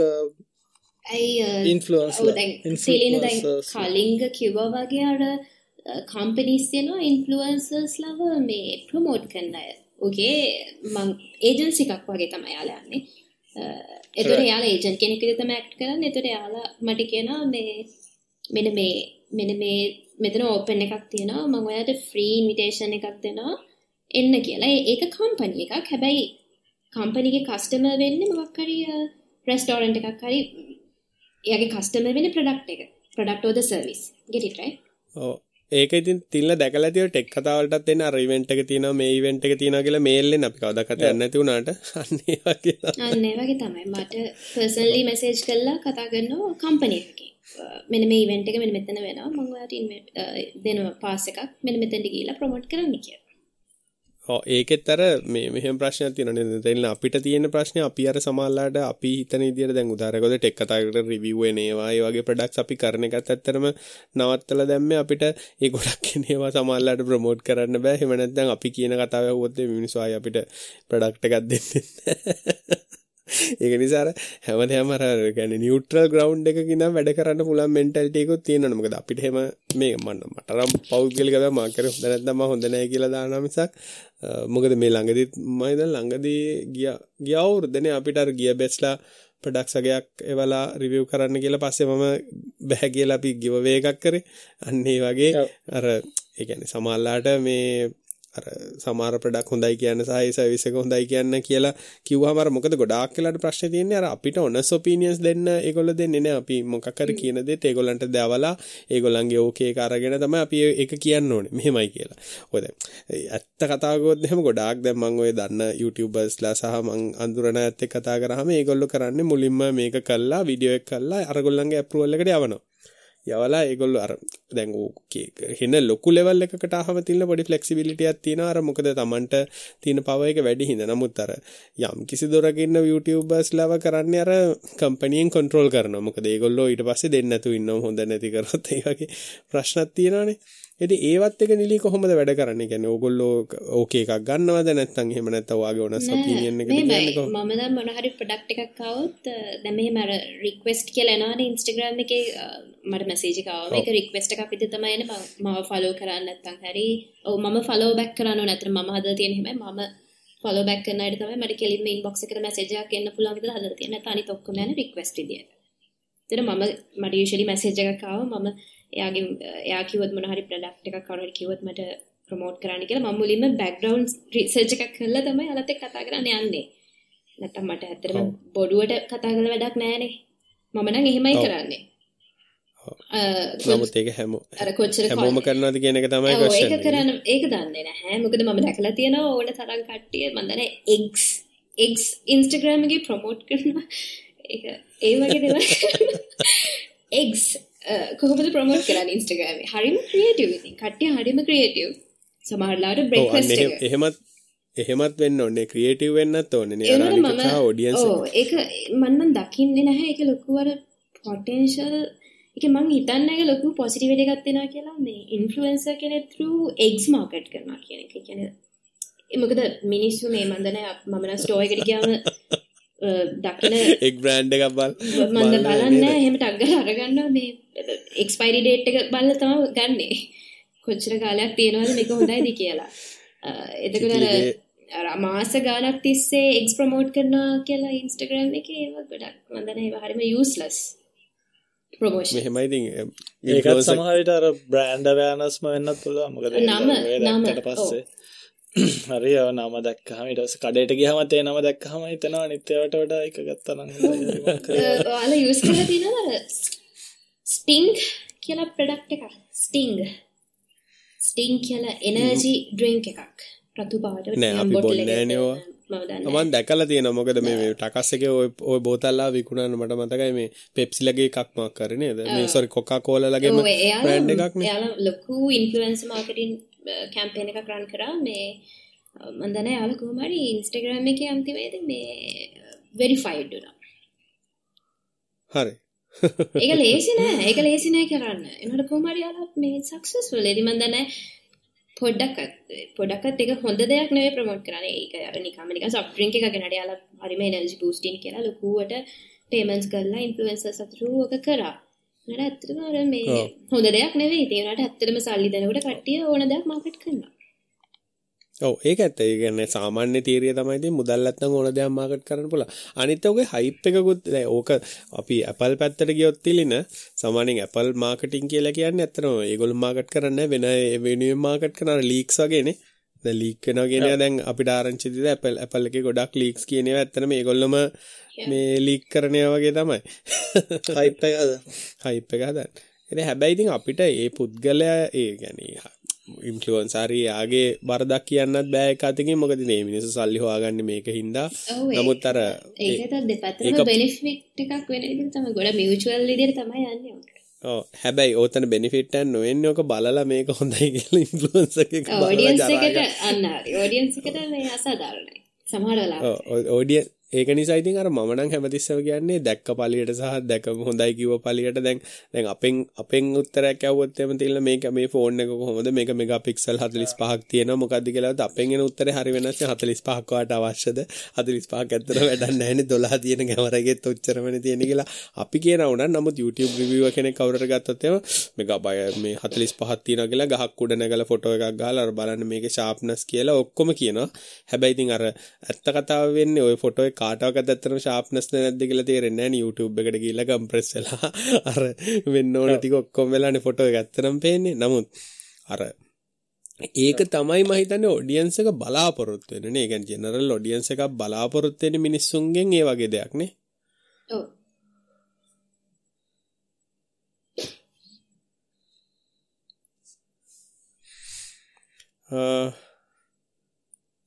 මොනාද ඉතින් දැන් ඒ කියන්නේ දැන් මටත් හිතාගන්න බැරි ප්‍රශ්නයක් තියෙන්නේ දැන් ඒ කියන්නේ මිනිස්සු ඕවා බලලා බඩු ගන්නවා දිනේ දැන් මම තාමත් කල්පනා කරන එක. බ්‍රෑන්ඩ් අවෑනස් එකක් වෙන. ඔව්. බ්‍රෑන්ඩ් අවෑනස් තමයි ගොඩක් වෙලාවට වෙන්නේ. තව එකක් මේ බ්ලොග්ස් තියනනේ බ්ලොග්ස්. ගොඩක් ලොකු ඒ කියන්නේ හොඳ ප්ලස් පොයින්ට් එකක් තමයි ඉන්ෆ්ලුවෙන්සර් කෙනෙක්ට බ්ලොග් එකක් තියෙන එක. බ්ලොග් වෙබ්සයිට් එකක් තියෙන එකේ බ්ලොග් එකක් තියෙනකොට links links. ඔව්. එතකොට මේ දැන් මොනහරි සර්විස් එකක් හරි ප්‍රොඩක්ට් එකක් හරි ප්‍රොමෝට් කරන්න දීලා ඊට පස්සේ ආ බ්ලොග් එකක් ලියනවා නම් ඒක ගැන ඒක ලොකු ප්ලස් පොයින්ට් එකක් හොඳට earn කරන්න පුළුවන්. ඇත්තටම බ්ලොග්ස් රීඩ් කරනවා මේ ෆොරිනර්ස්ලා ලංකාවේ අයට වඩා ගොඩක් ෆොරිනර්ස්ලා බ්ලොග්ස් රීඩ් කරනවා. මොකද මගේ බ්ලොග් එක මේ ඒකේ කමෙන්ට්ස් එහෙම බැලුහම මේ ෆොරිනස් ලගෙන් තමයි තියෙන මොකද මං අර මම රිවිව් කරනවානේ මේ රෙස්ටෝරන්ට්සේම එතකොට මේ ගොඩක් ලංකාව අයට වඩා හොස්පිටලිට සයිඩ් එකේ දේවල් ප්‍රමෝට් කරනකට බ්ලොග්ස් තියෙන ඉන්ෆලුවන්සර්ස්ලා ටික ප්ලස් පොයින්ට් එකක් සහ මේ කම්පනීකට ලොකු හොඳට ප්‍රමෝට් කරන්න පුළුවන් එක දැන් ඕක තමයි අර ප්‍රශ්න තියෙන්නේ. කියන්නේ දැන් ඔය දැන් අපිට මට මටත් ඔය ඉස්සර බ්ලොග් එක තියෙන කාලේ එනවා මේ අපේ ගෙස් පෝස්ට් එකක් දාන්න කැමතිද? ඒ වගේ කියලා අහලා එවනවා. ඒ කියන්නේ ඒගොල්ලෝ ඇත්තටම මේකෙන් බලාපොරොත්තු වෙන්න තිල්ල මම හිතන්නේ SEO හදන්න ලින්ක් බෑක් කරගන්න ඒ වගේ දේවල් නේද? අනිත් එක අර දැන් ප්‍රොඩක්ට් රිවිව් බ්ලොග් හදනවා වගේ දැන් ඒ කියන්නේ සමහරලාට ප්‍රොඩක්ට් එකත් ඒගොල්ලෝ හදලා බ්ලොග් ටිකකුත් හදලා ඒගොල්ලෝම රිවිව් සයිට් එකකුත් හදලා ප්‍රොඩක්ට් එක රිවිව් කරලා දාන්න. ඒ වගේ වැඩ තමයිනේ බ්ලොග් එකත් ලියලම වෙනවා මේක ඕ එහෙම එහෙම තමයි කරන්නේ. ගැන ලියලා තමයි තියෙනවා මුකුත් කරන්න යන්න එක දාන්න තියෙන්නේ. එහෙම මන්ද වරණගේ වෙලා නෑ මේ මොකද අර රයිටින් ස්ටයිල් එකක් තියෙනවානේ. මන් දන්නවා රීඩ් කරදී හරි මේ කලින් පෝස්ට් එකත් මේ හරි ලියපු එකක් මේ දැන් ලියපු එකත් දැන් මම රීඩ් කරන එකත් එයාගෙම තමයි කියලා. එහෙම ගෙස් කරන්න පුළුවන්. ඉතින් කෙනෙක්ගේ රයිටින් ස්ටයිල් එකක් තියෙනවානේ. අනිවාර්යයෙන් අනිවාර්ය දැන් මගේ මගේ එකක් මගේ එකක් කියවපු කෙනෙක් කියම හරියට ලියලා තියෙන එකක් කියවොත් තේරෙනවා අනිවාර්යයෙන් මල්ලි වෙන්න මල් ලියලා නැහැ කියලා ඉමේජ් ස්පෙලිං එකම ටයිප් ගන්න ටයිප් එකක් නැති වුණා හැබැයි දැන් මේ දවස්වල තියෙන මම අර Google Translate එකට පාවිච්චි සිංහල වලට මං නැවැත්තුවා. ඒ කියන්නේ සිංහල කීබෝඩ් ටයිප් කරන්න මේ කියන එක නවත්තලම දැම්ම. මම දැන් කරන්නේ අර Gboard එකේ ඔප්ෂන් එකක් තියෙනවා real time translator එක. ඒක ඇත්තටම හොඳයි මම පෝස්ට් කළා. ඔව්. මගේ ටයිපිං වලට වඩා හොඳයි. කියන්නේ මම සිංහල මම දැක්ක ළඟදී මේ ළඟදී නේ අදද කොහෙද මම දැක්ක ගෙඩි පිටින්ම ට්‍රාන්ස්ලේට් කරපු එකක් දාලා තිබ්බා. මොකක්ද ගෙඩි පිට දැන් දිගු කාලීන නිවාඩුවේ කරන්න මොකද්ද? මොකද්ද මන්ද ඉතින් ගෙඩි පිටින් තමයි මාත් කොපි කරන්නේ. මොකද ගෙඩි පිටින් ගන්න ලේසි. ලොං වීකෙන්ඩ් කියන එක නිකන් අමුතු විදිහට ට්‍රාන්ස්ලේට් ඔව් සංස්කෘත සිංහලෙන් එන්නේ. ඉතින් ඒකත් එක අතකින් හොඳයි. ඒ කියන්නේ ඇත්ත කතාව කතා කරොත් දැන් සිංහල ටයිප් කරන්න දැන් මම ටයිප් කරන්න ගියාම මට ඇත්තටම අමාරුයි ෆෝන් එකේ ටයිප් කරන්න මොකක් හරි ගාබෙජ් එකක් තමයි එන්නේ. එතකොට දැන් ඕක අර සිංග්ලිෂ් වලට ටයිප් කරන්න ගියත් වෙනස් වෙන නමුත් අර මේ ඇත්තට Google real time translator එකේ මම ටයිප් කරන ස්පීඩ් එකටම සිංහල ටයිප් වෙලා එනවා. ඉතින් ඉතින් එතකොට මට ඇත්තටම හිතන්න දෙන්නේ මොකද මගේ අර thought pattern එකකින් ඔළුවට ඉංග්‍රීසියෙන් අහම මම ඒක ටයිප් කරලා ගහුවා මට අර දැන් එක ඊයේ එකක් වුණා අර පෝට් අර කම්පියුටර් පෝට් එක වෙනුවට මේ මේ නැව නැව්වලට එන්න පෝට් එක මොකක්ද කියන්නේ? වරාය කියලා වරාය. ඒ වගේ එකක් වුණා මිසක් අර. ඕර නෑ. ඒ කතාව ඇත්ත මිනිස්සුන්ගේ රයිටින් ස්ටයිල් ඒ වගේ දේවල් වලින් ඇත්තටම මේ අයිඩෙන්ටිෆයි කරන්න පුළුවන්. කියන්නේ මෙයාලි ඒ කියන්නේ තාම මේ සිංහල කන්ටෙක්ස්ට් සිංහලාරිය කන්ටෙක්ස්ට් එක තේරෙන්නේ නැහැ ට්‍රාන්ස්ලේටර් එකටනේ තිබ්බටට ගොඩක් හොඳයි. ඔව්. තව දෙයක් මේ දැන් ඉන්ෆ්ලුවෙන්සර්ස්ලා දැන් දැන් ඉන්නවනේ දැන් ලංකාවේ සර්කල් එකක් තියනවානේ? ඕකේ මොකද ගොඩක් අය ගොඩක් අය මීට් වෙලා තියෙනවා දැනට ලංකාවේ. ඉන්න ඉන්ෆ්ලුවෙන්සර්ස්ලා මමත් කීප දෙනෙක්ව මීට් වෙලා තියෙනවා. අර ඒ සර්කල් එකෙන් එහා ඉන්න අය ඔය දැන් උතන මීට් වෙලා නැති අයට අර ලොකු කම්පිටිෂන් එකක් තියෙනවා. ඒක මෙන්න මෙහෙමයි. සමහර වෙලාවට මේ සමහර අය ඇත්තට මෙන්න ඉන්ෆ්ලුවෙන්සර්ස්ලා කියලා ඇංගර් පෙන්නලා ෆොටෝස් දාලා ප්‍රොමෝට් කරන අය ඉන්නවනේ එහෙම ප්‍රමෝට් කර සමහර බ්‍රන්ස් කැමති යාලගේ ෝඩියන්ස එක ලොකු නිසා ප්‍රඩක්ස් දීලා ප්‍රමෝට් කරගන්න. ඒ වගේ වෙලාවට එතකොට යාගේ සමරලාට ඇගේ චාර්ජස් ගොඩක් අඩුවෙන පුළුවන්. එතකොට මේ ඒ වගේ ප්‍රමෝෂන්ස් කරන්න අයට මේ අර අනිත් සර්කල් එකේ ඉන්න ඉන්ෆ්ලුවෙන්සර්ස් ලත් එක්ක ලොකු කම්පිටිෂන් එකක් තියෙනවා. මොකද අර සර්කල් එකේ ඉන්න අය ගොඩක් ස්ට්‍රෝං මට මතකයි මේ ළඟදී වුණා මේ එක ඉන්ෆ්ලුවෙන්සර් කෙනෙක් කැප්ෂන් එකකට දාලා තියෙනවා. එයා කොහේ ගිහිල්ලා මේ දාපු හොටෙල් එකක ෆොටෝ එකට කැප්ෂන් එක දාලා තියෙනවා. මේ වෙන ඉන්ෆ්ලුවෙන්සර් කෙනෙක් ලියපු ඒ ඒ තැන ගැනම ලියපු බ්ලොග් පෝස්ට් එකක එක හෙම් පිටින්ම අරගෙන කොපි කරලා කැප්ෂන් එකට දාලා. ඕ මයි ගඩ් ඔතන ලොකු ප්‍රශ්නයක් කියලා ඔය මනුස්සයාට හරියට බැනලා බැනලා ගොඩාක් ඉතින් අර අනිත් ඔක්කොම ඉන්ෆ්ලුවෙන්සර්ස්ලා ගැද වෙලා ඉතින් මෙයාට ගොඩක් පැන්න මැඩ ගහලා පැනල හරි ලොකු ප්‍රශ්නයක් ගිය. ති අන්තිමේදේ මනුස්සය මේ ලයිව් එකක් ඇවිල්ලා ඉන්ස්ටග්‍රම් ස්ටෝඩි එකක් පොස්ට් කළ තිබ මේ මම ඩිප්‍රෙස් වුනා මම ඩක්ට කෙනෙක් ගාවටත් ගියා. මෙම කරන්න නෑ රෝන් කියලා. ඒක හරි ලොකු ඩ්‍රාමා එකක් වුණා ඉතින් අන්තිමේදී. අර එතකොට ඒකත් ඇත්තටම ඒකත් ඇත්තටම හිට්ස් වලට හොඳයිනේ. ඩ්‍රාමා එකක් කියන්නේ අර අර කතාවක් තියෙන මේ no publicities. මොකද මේ is better than no publicity කියලා? ඔව් ඉතින් හරි මොකක් ඒක වගේ අතර කතාවක් තියෙනවා. තව ටිකක් ඔව්. රීච් එක තියාට එනවා අර ගොන් අයව ප්‍රොමෝට් කරන්න එපා කියලා දැන් දාන්නේ අර මේ ඒක ඒක ඕ නෑ ඒක ඒක ඇත්තට අපේ අයත් කරන මෝඩ් එකක් ඒක කවුරු හරි ගොන් කතාවක් දැම්මට පස්සේ කරන්නේ ගොන් රිප්ලයි කරන්න කියලා ඒකට රිප්ලයි කරන්න ගියාම තවත් රීච් එක වැඩි කරලා දෙන්න. මොකද Facebook එකටවත් Instagram එකටවත් තේරෙන්නේ නැහැ මේ එන්නේ නෙගටිව් කමෙන්ට් ඇද්ද පොසිටිව් කමෙන්ට් ඇද්ද කියලා නෙමෙයි ගන්න රීච් එක එනවා ලින්ක්ස් එනවා ක්ලික්ස් එනවා කියලා විතරනේ පේන්නේ. නිසා- ගොඩක් ගොඩක් ඔඩියන්ස් එක වෙන්න පුළුවන් අනිත් ඉන්ෆ්ලුවෙන්සර්ස්ලා වෙන්න පුළුවන් ඕන කෙනෙක් ඉන්නේ ජජ් කරන්න. එතකොට දැන් ඔඩියන්ස් එකේ අය හරි කවුරු හරි ඇත්තටම ලොකුවට ජජ් කරනවා. අපි දාන දාන පෝස්ට් එකක් ගැන නිකන් ආව බලලා අයින් වෙන්නේ. හරි ලොකුවට ජජ්. ඉතින් ඒක ඒක නිසා අර ඉන්ෆ්ලුවෙන්සර් කෙනෙක් වෙලා මෙතන සර්වයිව් වෙන එක අර ලේසි දෙයක් නෙවෙයි.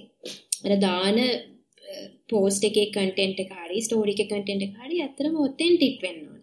ඇත්ත කතා කරන්න ඕන. බොරු කතා කරලත් ඉතින් සල්ලි ගන්න අය ඉන්නවා. මොකද අර ඔඩියන්ස් එක වැඩි නිසා.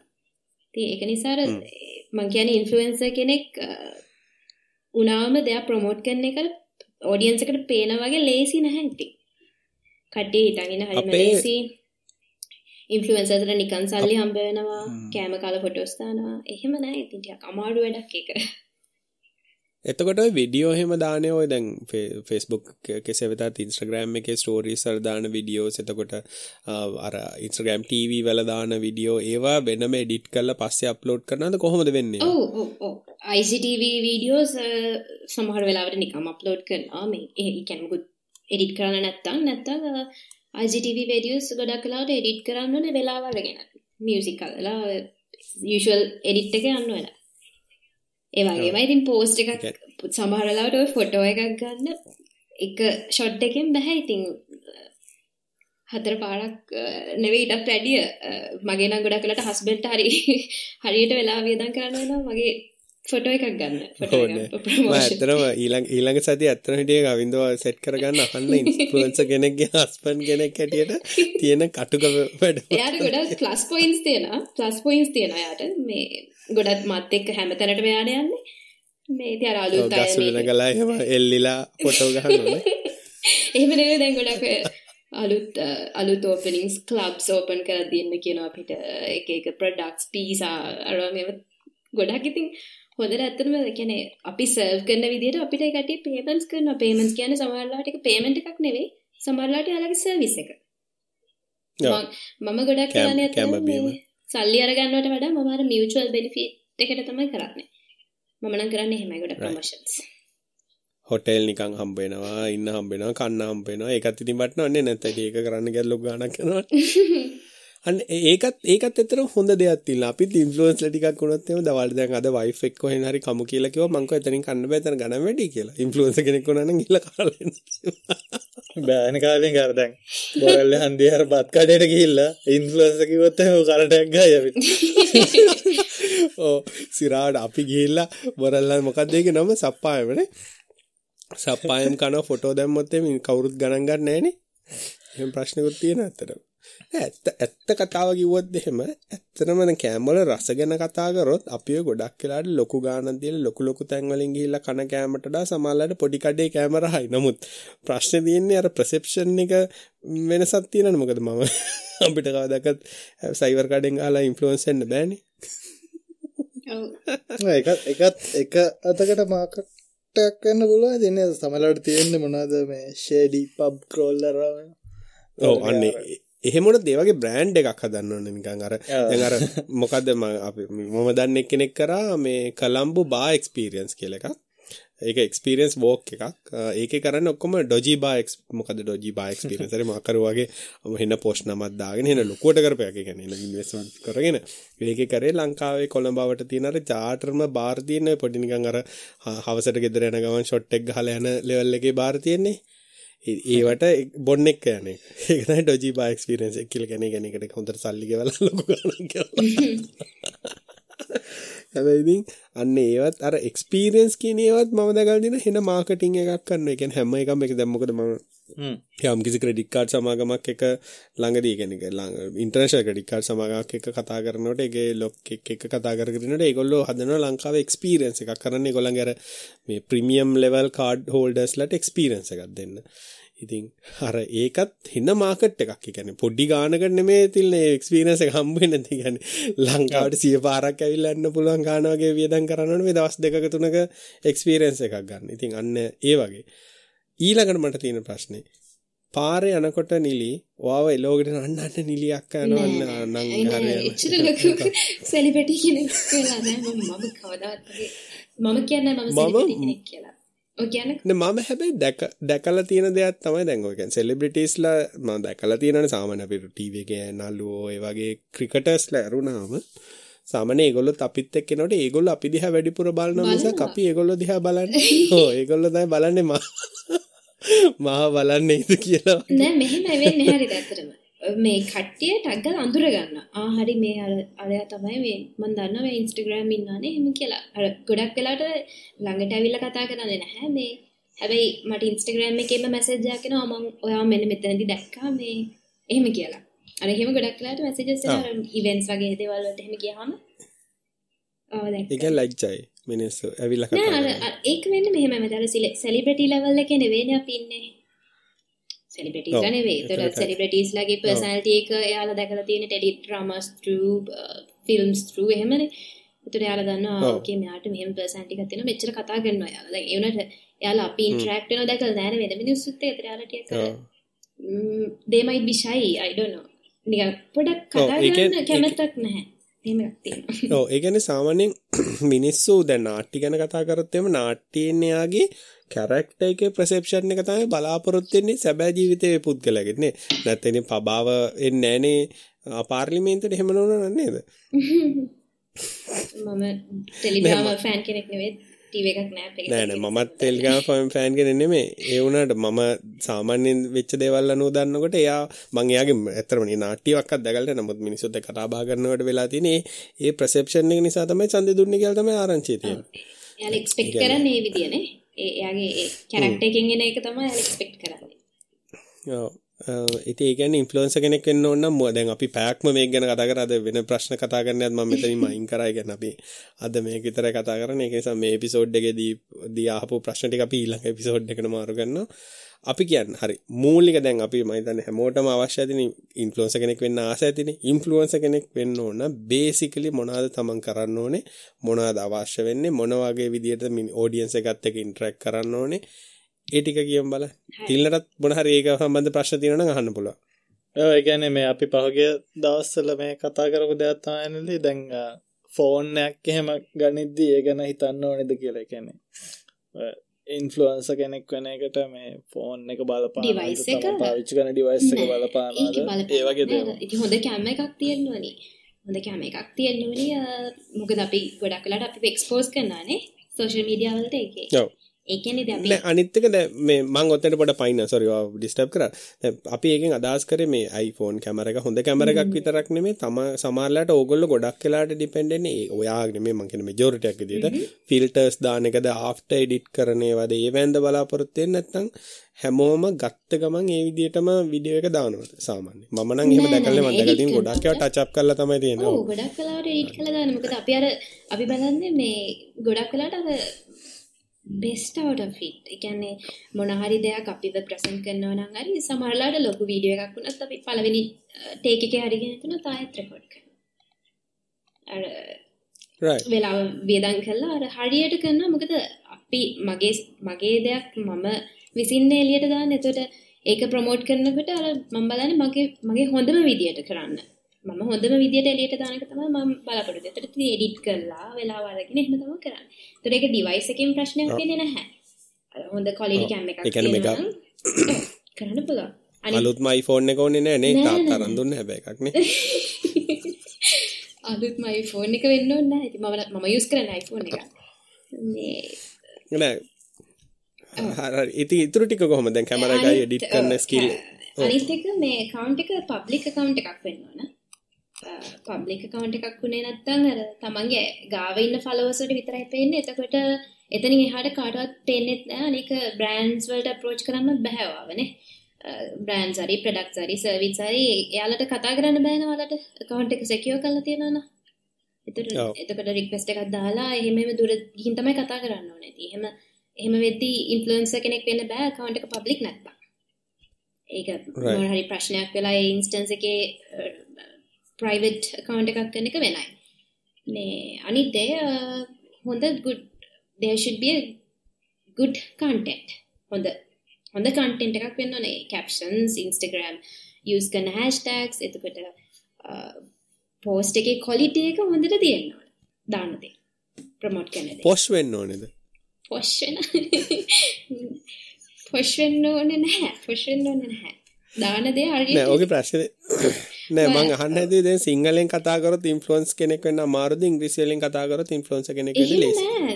දෙකෙන්ම කරන්න ඉන්නවා. දෙකෙන්ම කරන්න ඉන්නවා. මට තමන්ට කම්ෆර්ටබල් විදිහට කතා කරම හරි. මම දැක්ක ළඟදී ඉන්ෆ්ලුවෙන්සර් කෙනෙක් මම දන්න. හරි හොඳ කෙනෙක්. එයා මේ ප්‍රොමෝට් කරනවා කැම්පස් එකක් through Instagram. එයා කියනවා මේ මගේ මේ ස්ටෝරි එක ස්වයිප් අප් කරලා ගිහිල්ලා මේ මේ කැම්පස් එකේ ස්කෝලර්ෂිප් එකට ඇප්ලයි කරන්න කියලා. සිංහලෙන් කියන්නේ. හරිම ලස්සනට කරනවා ඒ කියන්නේ භාෂාව අදාළ නෑ අදාළ නැහැ. හැබැයි ලේසිද? ඒ කියන්නේ මේ භාෂාව සාමාන්‍යයෙන් අපේ ප්‍රසෙප්ෂන් එකක් මිනිස්සුන්ගේ තියෙනවා සිංහලෙන් කතා කරොත් වැඩි ගණන් ගන්න. ඒක සාමාන්‍යයෙන් අ, දැන් උදාහරණ ගත්තොත් මම කඩේකට ගියොත් මොකක් හරි කොහේ හරි ගියොත් එහෙම සිංහලෙන් තමයි හැමොත් එකම කතා කරන්නේ. මොකද ඉතින් මා ප්‍රයිමරි භාෂාවනේ. නමුත් වැඩක් කරගන්න ගියොත් සිංහලෙන් කතා මේක තියෙනවා නේද? ඉල්ල සිංහලෙන් කතා කරාට පස්සේ. මම ඉංග්‍රීසියෙන් කතා කරාම වෙනස. මම අර කිව්ව සර්කල් එකක් කියන්නේ. ඒ සර්කල් එකේ ඉන්න ඔක්කොම කතා කරන්නේ ඉංග්‍රීසි වලින් විතරයි. එතකොට එයාලා සිංහලෙන් කතා කරන්නේම නැහැ. සිංහල පුළුවන් කියලා පෙන්වන්නෙත් නැහැ. සිංහලෙන් කවදාවත් ටයිප් කරන්න සිංහල කතා කරනකොටත් කතා කරන්නේ කැඩලානේ. අමුතු භාෂාවන්නේ ඔව් ඒ- ඒක ප්‍රශ්නකුත් නෑ මං ඇත්තන ඇත්තටම එහෙම මම මේ ට්වීට් එකක් දැකලා මොකක් හරි ට්වීට් එකක් මම දැක්ක කවුරු හරි දාලා තිබුණා මට මතක නෑ ඇත්තටම කවුද දාලා තිබ්බේ කියලා. එයාගේ කතාව තිබ්බේ මේ මේ සිංහලෙන් ට්වීට් කරාම මොකද්ද පොස්ට් නෑ අර මොන හරි ඔව් ඒ වගේ දේවල් ගොඩක්. තියෙනවා. තාම අපි කතා කරේම නම් TikTok ගැන මට අමතකම වෙලා. ඒ TikTok ඔව් ඒක තමයි මේ TikTok ගැන කතා කරේ නැති මං TikTok නෑ ඒක නිසා මම දන්නේ නෑ මොකද්ද කියලා. TikTok කියන්නේ තව තවත් එක මීඩියා එකක් තමයි. ඒකෙත් දැන් paid advertisements යනවා. TikTok කියන්නේ වයින් වයින් වල වේරියේෂන් එකක් ආපු එකන්නේ පොඩි මේකක් ඒ වුණා TikTok ලංකාවේ ගොඩක් ජනප්‍රියද. ජනප්‍රියයි මේකයි අර ඒකේ මේ අර යූස් කරන ඕඩියන්ස් එක හරිම වෙනස්. කවුද ඒ ඔඩියන්ස් එක? මොන වගේ කරන්නේ? ඉන්ස්ටග්‍රම් ෆිගර් අවුට් කරගන්න බැරි කට්ටියක් ඉන්නවා. ඇත්තටම. ඉන්ස්ටග්‍රම් ඔව්. ට්විටර් ඔව්. ෆිගර් අවුට් කරගන්න බෑ. යාලා Facebook යූස් කරනවා මේ TikTok යූස් කරනවා. TikTok හරි ලේසි. මේ කවුරු හරි ඉතින් ඔය එක්කෙනෙක් ගියාම වයිරල් යන විදිය දන්නවනේ. එක්කෙනෙක් යූස් කරනවා හරි මෙහෙම ඇප් එකක් තියෙනවා. මේකේ මේ ඔයාලට පුළුවන් සවුන්ඩ් එකක් තියෙනවා. ඒ සවුන්ඩ් එකට ඩබ් කරලා මේ වීඩියෝ එකක් දාන්න ඔකදී එක එක ක්‍රියේට් TikTok ඇත්තට මුලින්ම මුලින්ම ජනප්‍රිය වුණේ මේ සින්දු කියලානේ මොකක් කර සින්දු කියලා මොකක් කර ඔහොම එකකින් නේද? කියන්නේ voice dub මුලින්ම. වෙන වච- වෙච- වෙන වෙන නේම් එකකින් තමයි අප් එක ආවේ මට ඒක නම මතක නැහැ දැන්. වයින් කියලා තමයි මුලින්ම ආවේ. ඊට පස්සේ මේ ඩබ් ඩබ් ස්මෑෂ් කියලා එකක් ගියා. ආ ඩබ් ස්මෑෂ් අන්න. ඊට පස්සේ තමයි. වයින් කියන වෙන ගන්න Wines නෑ, නෑ, නෑ, මේක වෙනස්. එකක්. වයින්ස් YouTube එකකින් නේද කියන්නේ? වෙන මැප් එකකින් වයින් වයින් කියනවානේ. වයින් එක වයින්ස් කියන හරිම ඒක හරිම ඒක වෙනම හියුමනේ. මේක අන්න හියුමන්. අන්න ඒක තමයි මට දැනගන්න ඕනේ. කියන්නේ ක්වොලිටි එකට හරියට දෙයක් වුණොත් ලංකා ලංකාවේ ඕවරෝල් ප්‍රසිද්ධිය හරි අඩුයි නේද? මොකද හැමතිස්සෙම අපි හො- මන් දන්න මන් දැකලා තියෙන මිනිස්සු හැමතිස්සෙම ෂෙයා කරන්නේ එක්ක නෙගටිව් දෙයක්. එහෙම නැත්නම් එයාට බයස් දෙයක්. නමුත් ඇත්ත මොනවා හරි හරි ඉන්ෆර්මේෂන් දැන් උදාහරණ ගත්තොත් මේ Black Lives Matters වගේ අර නිකන් අර රැල්ලට යෑමක් මිසක් තමන් හිතලා හිතලා මතලා කරන දේවල් අඩුයි නේද? ඒ කියන්නේ ඒක නිසා හැමතිස්සෙම ප්‍රසිද්ධ වෙන්නේ අර ඔව්. TikTok එකේ ඇත්තටම තියෙන්නේ මේ යාලා අර මම දැකලා තියෙන captions වලට මේ දාලා තියෙන හුදෙක් මේ විනෝදය සඳහා පමණි කියලා post කරන අය. ඒ වගේ අයට. පුදුම අකමැති සමහර අය. Criticize කරලා screenshots ගහලා ප්‍රසිද්ධියේ බයිනවා. මේ වගේ දේවල් ඇයි දාන්නේ? ඔයගේ audience එකේ ඉන්නේ ගොඩක් තරුණ අය. අර එහෙම බයින ගොඩක් වෙලාට ඉන්නවා. අර මෝඩ වැඩ කරන්න ඇත්තටම සාමාන්‍යයෙන් මම දන්නේ TikTok වලින් හොඳ දේවල්ුත් තියෙනවා නරක දේවල් දෙපැත්තක් තියෙනවනේ කොහොමද හැම දෙයකම. මම දැකලා තියෙනවා ඔව්. ගොඩක් නෙගටිව් මාකටිං කරනවා. නෙගටව මාර්කටින් නේ වැරදි දේවල් ගොඩාක් අර වැරදි දේවල් මාකට් කරන ලක තියෙනවා. මාකට් කරන නෙව ඇතර වැරදි අදහස් දෙනවා මෝඩ විදියට. එක මංකිව ෝඩියන්සික තනිකර වෙනස් ඒත් එක්කම යස් කරන යුසසත් හරිම වෙනස්. වෙනස් එලි ලංකාවේ ජෙනරල් ඕඩියන්ස එක මෝඩයිද වාට රිස්කි කතාව ගන ජෙනරලි සාමාන්‍යයෙන් ඔඩියන්ස එක මෝඩද? මට තේරුන්න මොන මෝඩයි මොන කියන ෝඩියන්ස එකද ජෙනරල් ෝඩියන්ස එක ගැන ඔය ඉන්ස්ට්‍රග්‍රෑම් එන අය හරි ඉන්ස්ට්‍රග්‍රම් ඉස්ටග්‍රම් ගොඩක් අයින්න ඕන දෙයක් කවේෂන් කළ හන ඇත්තරම් එක හොඳයිද ඇත්තර මේවා කියන ඇත්තද එහෙම කවේෂන් කරන ඉන්න ගොඩක් සමරයින්න නිකන් බලන්නට බලන්න ඕකය මෙන මේ යුස් කරන නිසා මම මේ ප්‍රොඩක්ට් එක ගන්නවා කියලා එහෙම ඇත්තින්න එහෙම කිව්වා මට මට කෙලින්ම කියන්න බෑ කියලා. හැබැයි මම දැකලා තියෙනවා TikTok යුස් කරන අය ගොඩක් හරිම මේ unwanted දේවල් තමයි අමුතුයි. අමුතුයි. වැඩකට නැති දේවල්. ගොඩක් ප්‍රොමෝට්. කරනවා ඒත් එක්කම තව දෙයක් මම කියන්නම් ඔය LGBT කමියුනිටි එක එළියට එන ඔව්. ක්‍රමයක් තමයි TikTok කියන්නේ. එතකොට මම නම් ඒක දකින විදිහට හරිම හොඳ දෙයක් ඒක. මොකද මේ මිනිස්සු සර්වයිව් වෙන්න ඕනේ. යාලට එළියට එන්න විදියක් තියනවානේ ඒක. යාලා මේ කම. අවුට් ඒක ඒක ඒක හරිම හොඳ දෙයක්. මම දකින විදිහට. එතකොට අර Twitter එකේ කට්ටිය බැලලා දානවා. ඉන්ස්ට්‍රග්‍රෑම් වල ඒ කියන්නේ ඩිස්ක්‍රිමිනේට් කරනවා දේ වගේ ආවේ. එහෙම ප්‍රශ්නද නෑ තියෙනවා. LGBT එකට නෑ යාළුවෝ වෙනම කමියුනිටි එකක් තියෙනවා. එහෙම කවුරුවත් එහෙම එහෙම නෑ. එහෙම කවුරුවත් ක්‍රිටිසයිස් කරන්නේ එහෙම බයින්නේ නෑ. ඇත්තට මම දැකලා තියෙන ওই විදිහට බයිනවා Facebook එකේ තමයි. එහෙම ෆස්බුක් එක ගොඩක් ඕ ඒක ඉතින් ඒක ඒක මිනිස්සුන්ගේ ඒක ඒක ඉතින් මිනිසුන්ගේ මේ විව් එකක්නේ සාමාන්‍යයෙන් අර ඒකත් මං හිතන් ට්‍රෙන්ඩ් එකට යන එකත් තමයි මම සමනලයක් කිව්වොත් මං සමනලයක් කිව්ව හින්දා තව කෙනෙක් සමනලයක් කියන නිසා තමන් හිතලා බලන්න මේක හරි දෙයක්ද වැරදි දෙයක්ද එහෙම දෙයක් එතකොට මං අන්තිම ප්‍රශ්නේ අහන දේ අපි පැයක් කතා කරානේ. ඇත්තටම මිනිස්සුන්ව ඉන්ෆ්ලුවන්ස් කරන්න පුළුවන්ද ඉන්ෆ්ලුවන්ස්ලට පුළුවන්. මිනිස්සුන්ව. ඉන්ෆ්ලුවන්ස් කරන්න පුළුවන්. ඒ කියන්නේ හොඳ දෙයකට හෝ නරක දෙයකට. හෝ මේ ඉන්ෆ්ලුවන්ස්ලා යොදා පුළුවන්. තිල්නට ෆයිනල් ප්‍රශ්න තියෙනවද අපේ පැය අවසාන වේගන යන නිසා? තියෙන හිතන්නේ මගෙන් මං- ඇහුව ප්‍රශ්න ටික වට දැනගන්න අවශ්‍ය වෙලා තිබ්බ අර ප්ලට්ෆෝම් එක ප්‍රශ්නයි ඊට පස්සේ ඩිවයිසස් ප්‍රශ්නේ තමයි mainly. ඔව් ඩිවයිසස් වල කිසිම ප්‍රශ්නයක් නැහැ. ඉතින් මේක අර යූස් කරන එක මේ ක්වලිටි එක එන්හාන්ස් කරන්න පුළුවන්. ඉතින් ලයිට්ස් එහෙම කට්ටිය සල්ලි දීලා ගන්නවා. තව ට්‍රයිපෝඩ්ස් ගන්නවා. ඒ මයික්ස් ගන්නවා. එහෙම එක එක තමයි. ඒ ඇප්ස් මොනවාද පාවිච්චි කරන්නේ? ඒ කියන්නේ වීඩියෝ එඩිට් කරන්න පාවිච්චි කරනවා නම් ටග් ගාලා ෆෝන් එකේ වගේ කරන මොන නම්- හරි පාවිච්චි කරන මොන හරි නෑ මම ඒවට ටිප්ස් වීඩියෝ එඩිට් තියෙනවද? කරන්නේ කරන්නේ වීඩියෝ එඩිටින් ඒ පැත්ත. අ, නැත්නම් මට නම් ගොඩක් කනෙක්ෂන්ස් තියෙනවා වගේ මොන හරි කරාම කළා දෙනවා. මේ මගේ සෝෂල් මීඩියා හැන්ඩල් කරන නිසා නැත්නම් මම යූස් කරන Lightroom මගේ ෆොටෝස් එඩිට් කරන්න. ෆොටෝස් එඩිට් කරන්න Lightroom. ටක් ගාලා ෆෝන් එඩිට් කරන්න Lightroom නැත්නම් Snapseed වගේ තමයි. right. Uh, එහෙනම් බොහොම ස්තුතියි අද අපිත් එක්ක සම්බන්ධ වුණා නිලි. Uh, අපේ ඔඩියන්ස් එකට තව ඊළඟ එපිසෝඩ් වල ප්‍රශ්න තිබ්බොත් එහෙම අපි ආයි දවසක හම්බ වෙමු නේ. බොහොම අපි. හස්බන්ඩ්වත් අනිත් දවසේ ගමු මොකද. ඇත්තටම ගීක් හස්බන්ඩ්නේ හස්බන්ඩ් තමයි හරියන්නේ මේ ෂෝ එකට. හැබැයි අපි ඊළඟ දවසක බලමු හස්බන්ඩ් ජොයින් කරගන්න. ඉන්ෆ්ලුවෙන්සර් කෙනෙක්ගේ හස්බන්ඩ් කෙනෙක් හැටියට තමන්ට වෙන හිරිහැර සහ කරදර ගැන කතා.